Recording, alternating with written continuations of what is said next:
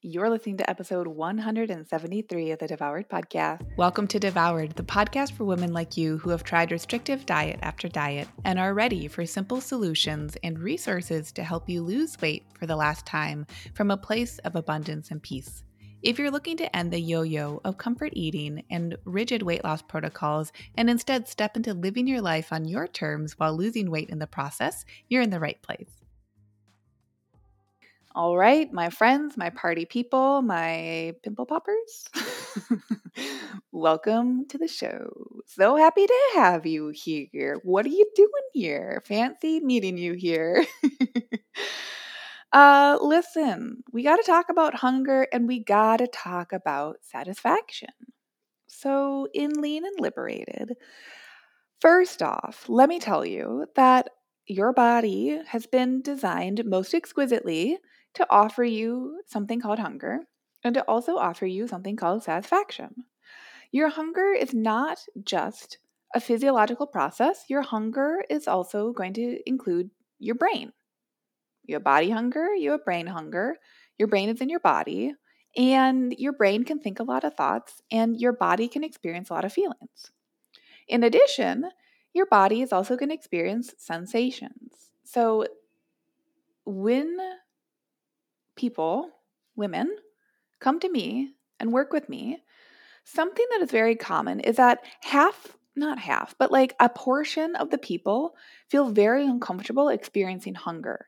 There's a lot of feelings that are associated with that feeling of not having food in their stomach. And I resonate with that. I notice a theme that came to me a couple years ago that I started to notice it was that when my body had less food in its stomach, there was more opportunity for things like indigestion, for a sour stomach, for acid indigestion to arise. And so, pretty unconsciously, I would make sure I wasn't grazing throughout the day, but I would make sure that I wasn't experiencing true hunger. Okay? So, a lot of people might be similar to me. Maybe they have an autoimmune condition, they have gut health support where they enjoy having more food in their stomach, even though that actually contributes to the continued feelings of indigestion. Okay, that's a subject for a different podcast. But also, a lot of people can have feelings around hunger where they do not like to feel hungry because it brings up feelings of anxiety, it brings up feeling scarce or lack, like something is wrong. They feel empty and they're associating that with a bad feeling, something they don't desire. And on the flip side, there's a good portion of people, uh, also in Lean and Liberated, and of course beyond, who feel like it's actually easier to feel hunger and to be tuned out of their bodies than it is to be tuned in and experiencing satisfaction or actually meeting their needs. So, whether you feel like you need to be stoking your satisfaction all the time, every day, all day, whether that's grazing or having really big meals that really stuff you and overly satisfy you, or you feel like you tend to power through your days, you're go, go, go, you'd rather not feel satisfied because the feeling of hunger feels more heroic, or it did at some point because of a story from diet culture, or you feel like if you feel hungry, then you are thinner, or if there's food in your stomach, then that makes you look fat. Whatever the story is around hunger, it comes, it might look like it's two different things or three different things, but actually, those different experiences and how you understand hunger come to the same root. And that same root is this is that hunger is something that should or shouldn't be happening. That's it. And that's a thought. that thought might be rooted in a belief that's here to keep you safe. So, on this podcast and in Lean and Liberated, we honor those feelings and those thoughts because nothing has gone wrong when you're thinking and you're getting a signal from your body to try to take care of you. That's literally all that's happening when we're taking actions that don't really serve us. Even if on paper we know that the action isn't truly serving us, to our emotional experience, we're feeling like we're taking care of ourselves. Right? That glass of wine at the end of the day, oh, it offers us relief. Oh, at least we gave ourselves some relief before we have to go do our next day. Right? Oh, that two o'clock chocolate. Whew, I need a little like pick me up, right? Got to get through the next couple of hours and then have the rest of the evening where I have to take care of everyone. Whew. Yeah, I know that chocolate might not be serving me right now, but at least I'm taking care of myself, right? No one else is going to meet my needs, so I better meet mine. Or, ugh, I don't have time for breakfast. Lunch, pff, can't even think about it today. Ooh, two o'clock, I got to go pick up the kids. Let me have a couple of snacks. Those snacks aren't hitting. Wait a second, I'm starving. Fill in the blank. Okay. So, with hunger, and then on the flip side, with satisfaction, eat until we're just barely satisfied or eating until we're very, very full. We feel uncomfortably full. Both of these situations set us up for a relationship with weight loss that is going to be like doused and drenched in stress. So, even before you're starting to lose weight, or walking side by side at the very least with losing weight, is starting to acclimate to both the feelings of hunger that you desire to experience while you're losing weight, while also experiencing the feelings of satisfaction that you desire when you're losing weight. So that's why in Lean and Liberated, we actually, I offer you a scale in order to help you conceptualize what is it that I am experiencing with my hunger? What is it that I am experiencing with my satisfaction? And how would I like to decide to be in charge? And then you get coaching on that because we can have lots of thoughts and feelings that come up around being in charge of our hunger and satisfaction. Tons of them. Like that could be its own episode. when you're able to recognize that you're in charge of your hunger and satisfaction, that you're in charge of feeding yourself, that you're in charge of meeting your own needs, and that by doing this in this autonomous container, that you are then actually being a leader in your community, that you are actually a beautiful piece of the like living fabric of the social network that you exist in. Any of the things that might feel lonely or or overwhelming or like you have to do them all by yourself all those stories start to melt away. It is the most fascinating thing that by focusing on yourself and even on the feelings where you feel like you feel isolated or lonely or like why is it always me who has to do all the work all that stuff why do I have to have a different body? Why can't I, why aren't other people thinking about these subjects? Why do I have to be listening to this podcast? Like is it?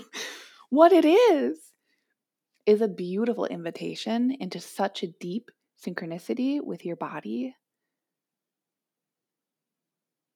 that like I personally don't know of anything much sweeter than that.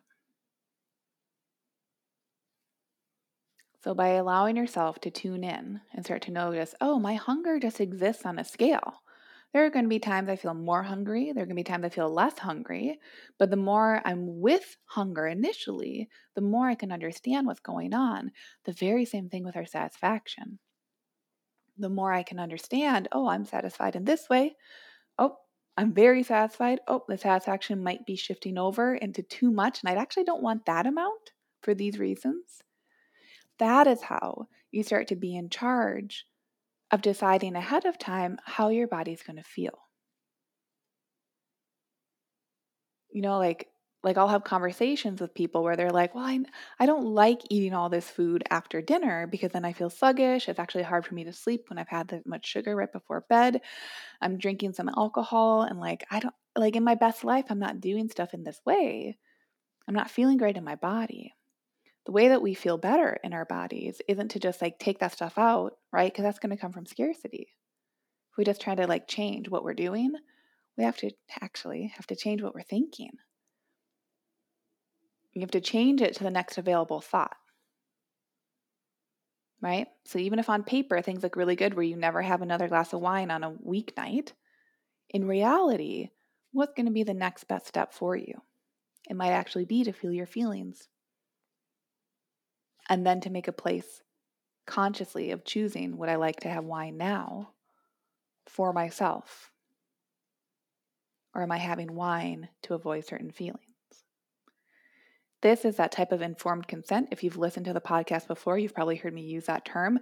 This is how we change our food and nutrition choices from being uninformed and feeling scrambly and like we're not in charge and that we have to what if ourselves all the all the time. When you don't feel in charge of yourself, you're going to be really scared. What if I have a craving? What if I eat the ice cream? What if this happens? What if that happens? Versus being in charge and saying, well, of course I might have a craving. I'm a human. Of course I can eat some ice cream. Do I actually want it? Of course I'm stressed out. What do I need? So the hunger and satisfaction scales get to be these beautiful tools that you can use for yourself at any time, whether you're with food and eating food in that moment, or when you're away from food. This gets to inform not only your weight loss, but like your entire life, right? Because, like, how I'm teaching weight loss and lean and liberated is that, like, in the modules, I have one slide on maintenance because that's a good it's a great question right? Like what happens when like i've hit my goal weight or the the scale or the clothes or i'm fe- i'm just feeling the way i want to feel in my body what do i do then? You don't really change things up all that much. All you really do is you eat a little bit more food because that's what would help you maintain a weight. But it's all the thoughts and feelings that lead up to that decision to eat a little bit more food. And the way that you understand what that little bit is that works for you to maintain a weight is that you first plug and play what is my hunger? How do I feel about that? What is my satisfaction? How do I feel about that? How do those both change throughout the day? And what most supports me in my life? That's how you plug and play, using your hunger and satisfaction to support you instead of using them against yourselves. So I hope you'll like just play with that idea, this conception this week. I encourage you to reach out to me on Instagram or on Facebook in private message. If you're ready to join Lean and Liberated, I would love to have you. We rock and roll with six one on one sessions, and then you move into the group coaching. There's email coaching, there's a private Facebook community, there is lots of support, as well as the very simple, very streamlined, easy to digest and understand module series where you, I teach you everything you need to know about how to lose weight for the last time from a place of love while ditching diet culture in the process. If you're ready to be in charge of that process, I would love to have you. Bye. Did you know you can find more support from me on my website?